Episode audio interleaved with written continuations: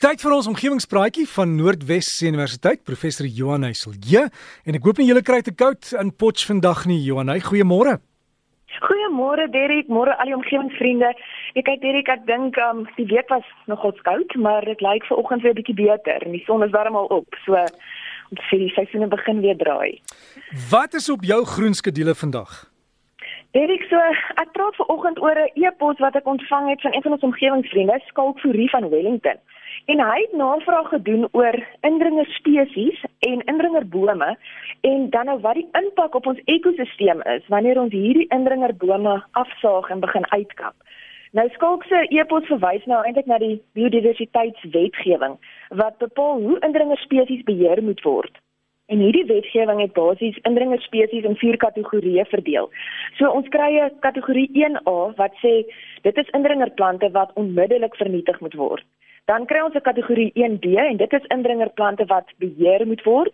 En dan is daar 'n kategorie 2 en dit is indringer plante waarvoor 'n permit benodig word. En dan laasens is daar kategorie 3. Nou dis indringer plante wat nie noodwendig uitgekap hoef te word nie, maar wat ook nie meer aangeplant mag word nie. Nou Derek sê ek glo die meeste van ons omgewingsvriende weet dat indringer spesies in beginsel nie gunstig vir ons omgewing is nie, want hierdie uitheemse plante en bome word aangeplant en hulle floreer nader aan so dat dit die natuurlike inheemse spesies heeltemal oorheers of selfs verdring. En Johanna ja, net, net 'n punt gou daar is, ek weet daar's van die bome en spesies wat endemies ook is wat beteken dat jy moet kyk dat jy nie bome van 'n ander deel van Suid-Afrika bring na jou deel en dit word ook 'n probleem nie. Ja, verseker Derek, so dis eintlik 'n baie gekompliseerde oefening, maar ek moet ook ook net sê dat die um, dis nie alle uitheemse spesies wat indringers is nie, nê. So dink kom maar aan grane, mielies en sonneblom, aardappels, almal wat eintlik elders in die wêreld hulle oorsprong het en tog voedsel aan miljoene mense in Suid-Afrika en dwars oor die wêreld verskaf. So Um, ons moet ook net weet dis nie alle uitheemse spesies wat altyd ongewens is nie of dis beslis nie ongewens nie. Maar om indringerstatus te verdien dan ook nou in jou area moet die uitheemse spesies dus so floreer en aangeplant word dat dit die inheemse spesies se habitat indring en dit later self vernietig. So dis nou van daar waar hierdie biodiversiteitswetgewing gekom het om hierdie indringer spesies te beheer. En die probleem met die indringer spesies is dat dit regtig baie water benodig. So ongeveer 10% van Suid-Afrika se jaarlikse watervoorraad word deur ons indringerplante verbruik. En daarom veroorsaak indringer spesies ook gronderosie en dit hou dan ook 'n brandgevaar in. So in die week het vriende van Nuisna hier by ons kom kuier en hulle vertel toe van die brand wat verlede jaar in die Nuisna omgewing uitgebreek het en van die meer as 1000 huise wat afgebrand het. Maar in hierdie woonbuurt waar hierdie vriende bly, dit is die Green Pastures woonbuurt, het daar agter geen huis afgebrand nie. So die vuur het letterlik om hierdie woonbuurt gebrand. En toe nou by die nabetragting is dit grootendeels daarin toegeskryf dat alle indringer spesies so 'n paar maande van tevore uit hierdie woonbuurt verwyder is. En dit was op die ou einde die redding, hè, van hierdie woonbuurt.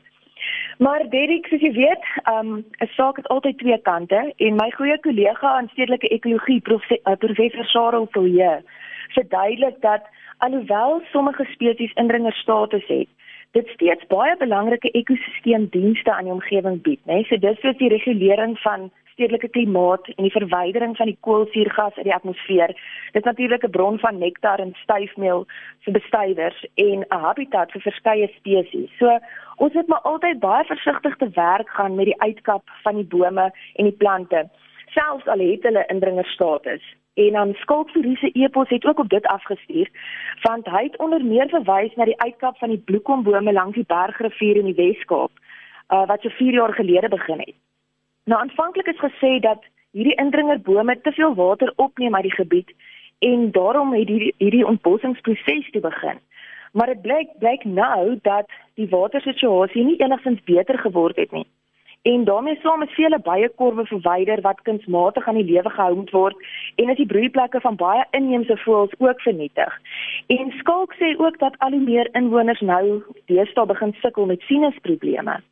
So hierdie is vir ons sprekende voorbeelde dat indringer spesies nie net sleg is nie, maar ook ander ekosisteemdienste aan ons omgewing bied. En Prof Sarel sê ook die bloekomsbome langs die Vaalrivier en die Vredefort koepel voorsien ook soortgelyke ekosisteemdienste en is ook baie belangrik in hierdie omgewing. So ja, Derek, die verwydering van ons indringer spesies is maar 'n baie gekompliseerde oefening. En wanneer ons begin op groot skaal hierdie indringer spesies uitkap en verwyder, moet ons maar eintlik 'n volledige impakstudie doen, hè, wat vir ons wys wat is die voordele en wat is die nadele van hierdie spesies.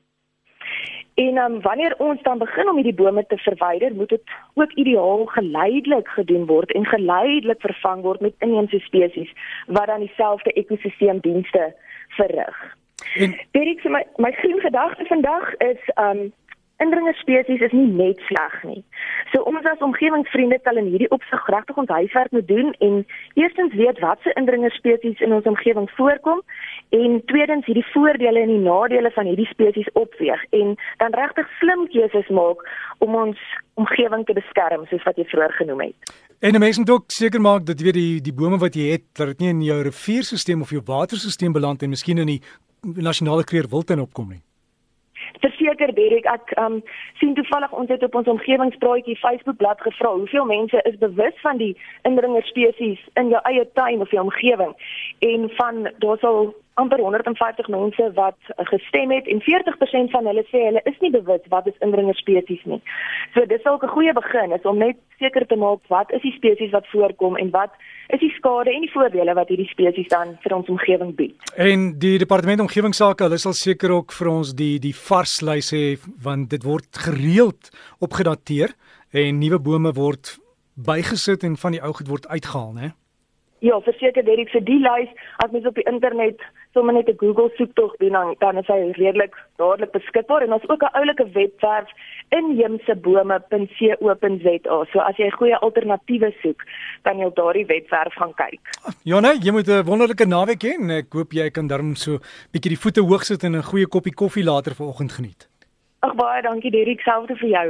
So gesels ons dan met Johan Heiselje, professor by Noordwes Universiteit. As jy wil kontak maak, hulle e-posadres is omgewingspraatjies, die meervoud, omgewingspraatjies@gmail.com. Hulle is ook op Facebook en jy kan hulle net daar soek as omgewingspraatjies of breakfast, kan jy die inligting kry. En uh, ja, gaan loop maar na hierdie tuin en sien watter bome hoort nie eintlik daar nie.